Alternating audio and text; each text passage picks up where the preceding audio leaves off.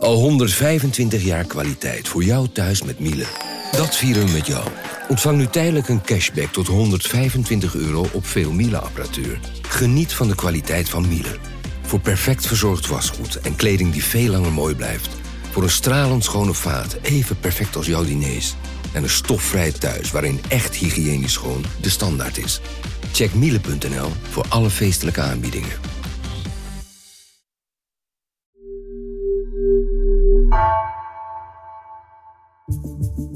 Vanaf de redactie van NRC het verhaal van vandaag.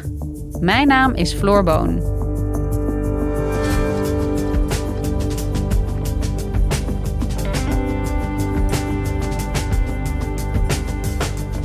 Deze week kwam er een einde aan het gebruik van lood in benzine. Een eeuw lang vulden mensen wereldwijd hun tanks ermee, terwijl altijd bekend was dat lood giftig is. Hoe kon de auto-industrie hiermee wegkomen?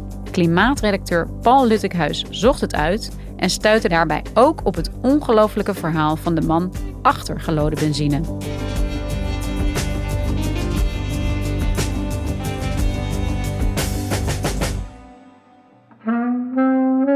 Charles Kettering, dat was een Amerikaanse ingenieur, die bedacht een motor die je niet langer hoefde aan te slingeren. Dat leek een groot succes te kunnen worden, want het aanslingeren van de motor was en heel zwaar. En eigenlijk vond hij voor vrouwen bijna onmogelijk. Met als gevolg dat vrouwen nooit zelfstandig in een auto weg konden. Dus het was een grote luxe als je een auto had die je via een soort elektrische ontsteking kon laten starten. Want aanslingeren, dan zat er iemand letterlijk met zijn hand aan een motor te trekken. Ja, je, moet, je moet maar eens naar uh, de begintijd van de film kijken uit de jaren 10, 20 van de 20e eeuw. Daar zie je dus zo'n grote slinger voor de auto waar ze hard aan moeten draaien. En je kunt het ook vergelijken met bijvoorbeeld het trekken aan een touw van een uh, motorbootje dat nu nog steeds wel eens moet. Het is een uh, manier om die auto op gang te brengen. Maar als je dat dus niet meer op die manier hoeft te doen, maar gewoon door achter het stuur te gaan zitten en een knopje om te schakelen, dan is dat een enorme luxe. En zo werd die motor ook gezien. Alleen, hij had wel één groot probleem, namelijk ehm, de benzine dreigde eerder te verbranden dan de bedoeling was. En ook vaak eh, ongecontroleerd in een soort van explosies waardoor er een klop in de motor ontstond. Een klop die uh, voor de bestuurder uh, werd ervaren als uh, herrie, veel lawaai en die ook de motor kon beschadigen. Kettering had het gevoel dat als hij dat probleem niet snel oploste, dat zijn motor dan geen succes zou worden. Dus toen heeft General Motors, die wel wat zag in deze motor, Kettering gevraagd om zo snel mogelijk op zoek te gaan naar een middel om die klop uit de motor te halen. Thomas Mitchley was een van de mensen die daar werkte. Die heeft, zegt Mitchley zelf, 33.000 eh, verschillende stoffen geprobeerd om te ontdekken of de benzine daardoor vloeiender zijn werk zou gaan doen. Zoals? Van gesmolten boter tot uh, aluminiumchloride, uh, kamfer, echt van alles. En uiteindelijk vond hij dus een verbinding met lood, tetraethyllood. Dat was in december 1921. Dus hij stapte het kantoor van Kettering binnen en zei: Ik heb het. There, what does that look like? That's right, it's a pansy. But look how easily it can be made to resemble a chimpanzee. Yet there's a tremendous difference between the two. Just like there's a powerful difference between gasoline and ethyl gasoline. But with high octane ethyl gasoline, there is no knot. Eureka. Dat was het Eureka-moment voor Kettering en Mitchley. So next time you buy gasoline, drive up to the pump with the ethyl emblem and say, fill her up. Dus om dat kloppende geluid uit die motoren te halen uh, en om dat probleem op te lossen, zijn wij over de hele wereld benzine met lood gaan gebruiken. Precies. There's a difference, a powerful difference between gasoline and ethyl. Gasoline.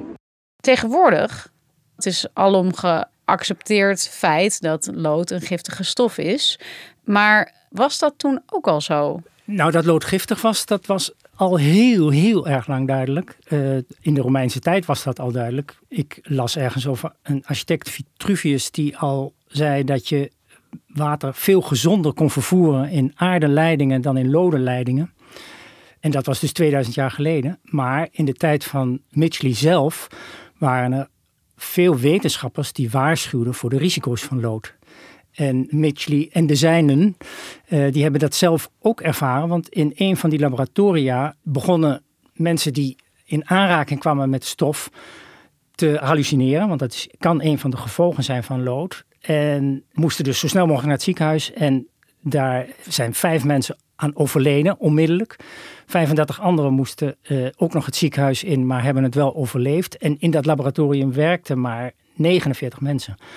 Dus de ernst van het probleem was eigenlijk meteen wel duidelijk. Dat is bijna je hele personeelsbestand. Wat zeiden ze daarover? Want dat er mensen dus overleden en in het ziekenhuis belanden, dat konden ze niet ontkennen. Wat zij zeiden was dat die werknemers onvoorzichtig waren geweest bij hun werk. En als je maar voorzichtig was, dan was het risico niet zo groot. Maar er bestonden dus zorgen, ook eh, eh, maatschappelijk gezien eh, begonnen kranten daarover te schrijven. Hoe kan dit en moeten we dit wel gaan doen? En eh, zij probeerden voortdurend vanaf het allereerste begin dat te relativeren. Bijvoorbeeld bij garage, als je goed in de hoekjes keek, dan kon je daar wel lood vinden. En ook bij monteurs en zo, die hadden wel wat meer lood in hun bloed. Maar die werden niet meteen ziek. Dus konden zij zeggen van ja, maar de ernst van dit probleem is zo bescheiden dat de, ja, daar hoeven we ons eigenlijk geen grote zorgen over te maken. En werd het ook echt geloofd in die tijd? Nou ja, wat ze dus vooral deden was twijfelzaaien. Bijvoorbeeld die Mitchley, die uh, organiseerde een persconferentie waarbij hij uh, tetraethyllood meenam en daar zijn handen in ging wassen. En een andere keer nam hij dat spul mee en ging hij dat uh, onder zijn neus houden een halve minuut en zei hij, maar dit zou ik natuurlijk nooit doen als dit gevaarlijk was. En op deze manier geloofden gewoon de burgers eigenlijk van... oké, in die fabriek is het misschien gevaarlijk... maar als ik aan de pomp sta en ik pomp gewoon mijn tank vol... dan heb ik er geen last van. Ja, dat is steeds eigenlijk hun strategie geweest. Eerlijk gezegd is dat natuurlijk iets wat je wel vaker ziet bij grote bedrijven. In de tabaksindustrie is ook jaren gezegd dat roken helemaal niet zo ongezond was. Bij de asbestindustrie hebben ze vaak geprobeerd om dat te doen. is a modern marvel. This stuff can do just about everything. And uh, the best part about it is, it's perfectly safe. En wat je hier dus ook zag, was dat de olieindustrie, met name Standard Oil en General Motors, zij konden heel veel verdienen, zowel aan het product als aan uh, motoren die uh, veel minder herrie maakten en minder benzine nodig hadden. Hello there everybody, this is Mel Allen. I've had the pleasure of reporting many of the leading sports events over the years. We're climbing this hill running on ordinary gasoline. Listen to that knock. Now we're switching over to ethyl gasoline as the car continues up the hill. Is there a knock? Let's listen. No, sir. The speedometer picks up... Ze hebben honderden miljoenen verdiend in de eerste 10, 20 jaar aan hun nieuwe product. Dus er was duidelijk, het was bekend dat dit een giftige stof was. Uh, ze hadden dus ook een enorme overtuigingskracht nou ja, er zaten twee kanten aan. Want eh, bijvoorbeeld de Associatie van Chemici in de VS, die waren wel heel erg enthousiast over wat Mitchley bedacht had. Dus die wilden hem zelfs een prijs hiervoor geven. En um, de grap was dat op het moment dat hij die prijs uitgereikt zou krijgen, had Mitchley zelf een loodvergiftiging. En zat hij in Miami aan zee om een beetje bij te komen en zijn longen weer schoon te krijgen. Dus de man die dit bedacht, die liep zelf een loodvergiftiging op? Ondermijnde dat dan niet heel erg het verhaal wat hij aan het vertellen was? Kijk, allereerst probeerde hij dat een beetje te verdoezelen. Maar toen het uitkwam, toen zei hij dat dat kwam doordat hij zoveel met die stof in aanraking was geweest. Dus Mitchley kon niet zijn prijs ophalen, maar hij schreef nog wel een brief aan de gezondheidsdienst in eh, de Verenigde Staten. Dat, waarin hij zei, voor zover ik kan nagaan, kun je lood in de atmosfeer helemaal niet terugvinden. Dus, en eigenlijk op deze vrij ja, natte vingerachtige conclusie is besloten dat we wel door konden gaan met gelode benzine. De New York Times had een kop waar ik denk de krant zich nu ernstig voor zou schamen. Daar stond namelijk rapport, dubbele punt, gelode benzine niet gevaarlijk. Uiteindelijk stond het allemaal in dienst van het stiller maken van motoren en te zorgen dat er geen schade kwam aan de motoren. Ze bleven dat dus doen met de kennis over de giftigheid van die stof. Zijn ze in de tussentijd niet blijven doorzoeken naar iets anders?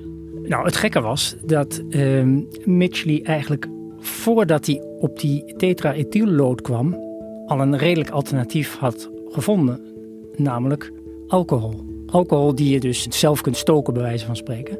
Maar daar zat meteen het probleem, want als je alcohol zelf kunt stoken, dan kun je daar dus ook niet aan verdienen. Dat bestond gewoon. En in oktober 1921, eh, dus een paar maanden voordat hij uh, zijn Eureka-moment met uh, tetraethyllood had, dat hij naar een congres van automobielbedrijven in Indianapolis ging. En daar zei hij vol trots dat hij had gereden in een auto die reed op benzine en 30% alcohol. En dat dit de toekomst was, want dit was en veel schoner. Er kwam nauwelijks koolstof vrij. Dus er was ook al een soort van bewustzijn over uh, CO2. En het was veel efficiënter rijden. Dus eigenlijk bestond dat alternatief.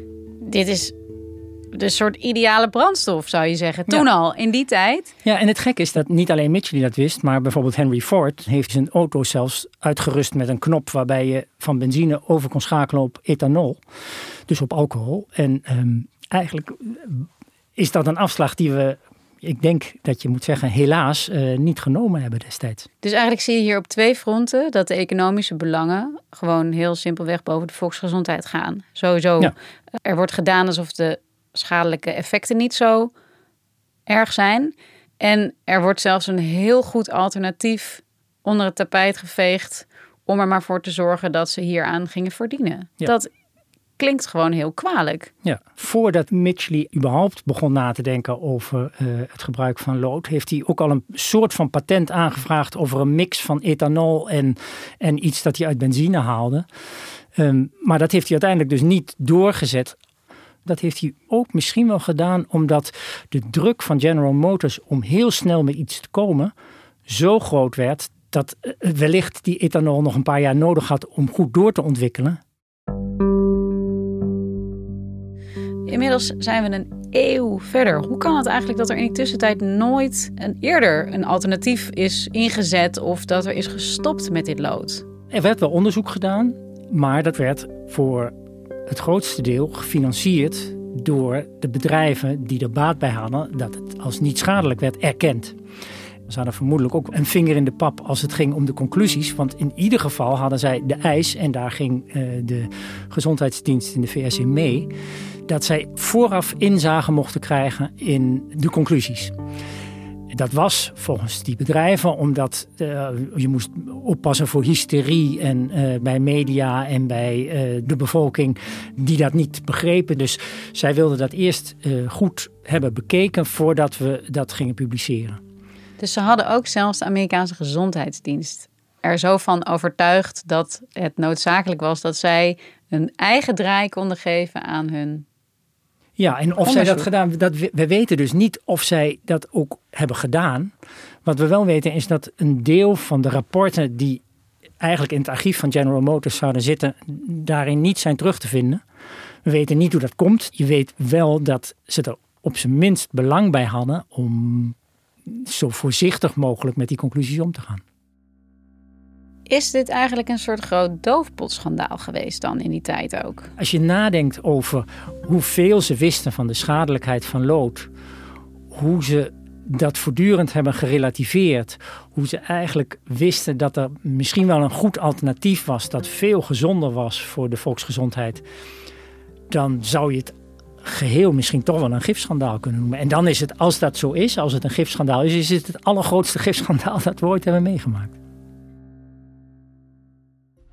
Ja, want Paul, hoe zit het eigenlijk met die gezondheidseffecten? Wat merk je van lood? Wat merken wij daarvan? Franse onderzoekers hebben op Groenland gekeken naar de concentratie lood in sneeuw. Een periode van 20 jaar. En toen zij begonnen was de concentratie lood zo'n 200 keer hoger dan gemiddeld. En die Franse onderzoekers die zeiden dat de enige verklaring hiervoor kan zijn het steeds minder gebruiken van gelode benzine in de VS.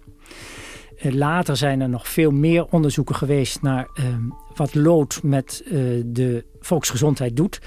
En je schrik je te pletten. Met name voor kinderen is het zeer schadelijk. De, hersenafwijkingen zijn mogelijk. Er zijn onderzoeken geweest die zeggen dat um, het IQ bij kinderen met drie tot vier punten achteruit kan gaan als ze veel lood in het bloed krijgen. Mensen krijgen nierfalen, hart- en vaatziekten. Volgens een onderzoek uit 2011 gaan er meer dan uh, een miljoen mensen jaarlijks sterven uh, aan het feit dat lood in de atmosfeer zit. En kostte lood ons destijds jaarlijks zo'n 4% van het bruto product van de wereld. Heel veel geld. Was dat dan ook de reden dat de Verenigde Staten op een gegeven moment stopten met het toevoegen van lood? In de jaren 60 kampten Amerikaanse steden met ernstige smog. Dat kwam door uitlaatgassen. Wat ze toen gedaan hebben is een, uh, een soort katalysator uh, in de motor zetten die um, veel van die schadelijke stoffen eruit haalde. Maar het probleem van de katalysator was dat die door lood ernstig beschadigd werd. Dus dat lood moest uit de benzine als je wilde werken met katalysatoren. En de druk van de overheid om de auto's schoner te maken was zo groot dat ze er niet meer omheen konden. En dat was de VS, die stopte ermee. Wanneer stopte Europa ermee? Uiteindelijk uh, verbood de Europese Unie in 2000 het gebruik van lood. En uh, vanaf 2002 mag je in de Europese Unie dus geen gelode benzine meer uh, verkopen. Als we zo dit bespreken, dan denk ik ook, als ik bij de tank sta, dan denk ik altijd ongelode benzine. En ja. dat suggereert in zichzelf dat er ook zoiets bestaat als gelode benzine. Maar is dat dan nu helemaal verdwenen in de wereld? Officieel, ja. Bijna een eeuw lang zorgde het voor gezondheidsproblemen en vervuiling, gelode benzine. Maar vanaf vandaag is het nergens ter wereld meer te krijgen. Een mijlpaal volgens de Verenigde Naties. Leaded fuel illustrates in a nutshell the kind of mistakes that humanity has been making at every level of our societies. This in the global response to leaded fuels shows that humanity can learn from and fix mistakes that we've made. En hoe zit het eigenlijk met de aansprakelijkheid? Als dit is wat jij zegt, mogelijk misschien wel het grootste gifschandaal uit de geschiedenis, is daar nog een soort ja, aansprakelijkheid aan te plakken? Kunnen slachtoffers, General Motors, daar alsnog voor, voor de rechter dagen bijvoorbeeld? Ik sluit het niet helemaal uit. Um, en de reden dat ik dat zeg is dat het bijvoorbeeld ook tientallen jaren heeft geduurd voordat de tabaksindustrie uh, voor de rechter werd gedaagd en uiteindelijk toch fors heeft moeten betalen. De vraag blijft dan natuurlijk of je kunt bewijzen dat ze willens en wetens dit hebben gedaan. Dat is altijd het grootste probleem. Um, maar dat er um, geknoeid is met benzine, dat is wel zeker. Hey, en hoe is het eigenlijk afgelopen met uh, Thomas uh, Mitchley, de bedenker van dit goedje, die uh, weliswaar in het publiek zijn handen waste in lood, maar ook behoorlijke vergiftigingen opliep? En Mitchley ehm, bleef uitvinder en hij was dus ook werktuigbouwkundige.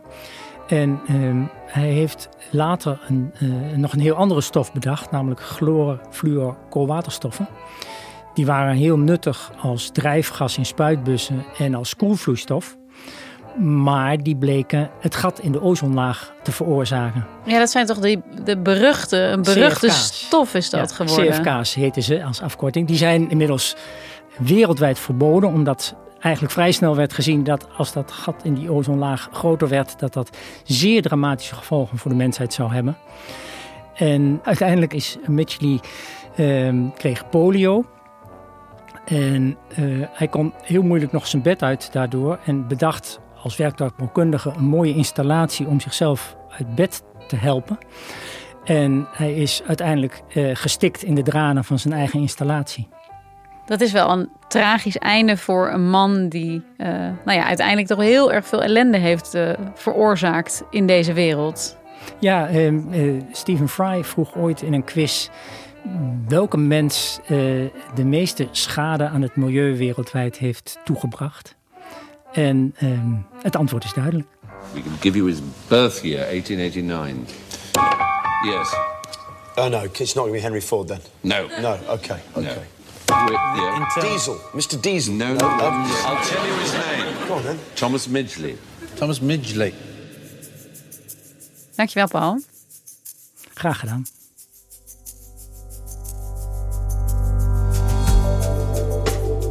Je luisterde naar vandaag, een podcast van NRC. Eén verhaal, elke dag. Deze aflevering werd gemaakt door Esme Dirks en JP Geersing. Dit was vandaag, maandag weer.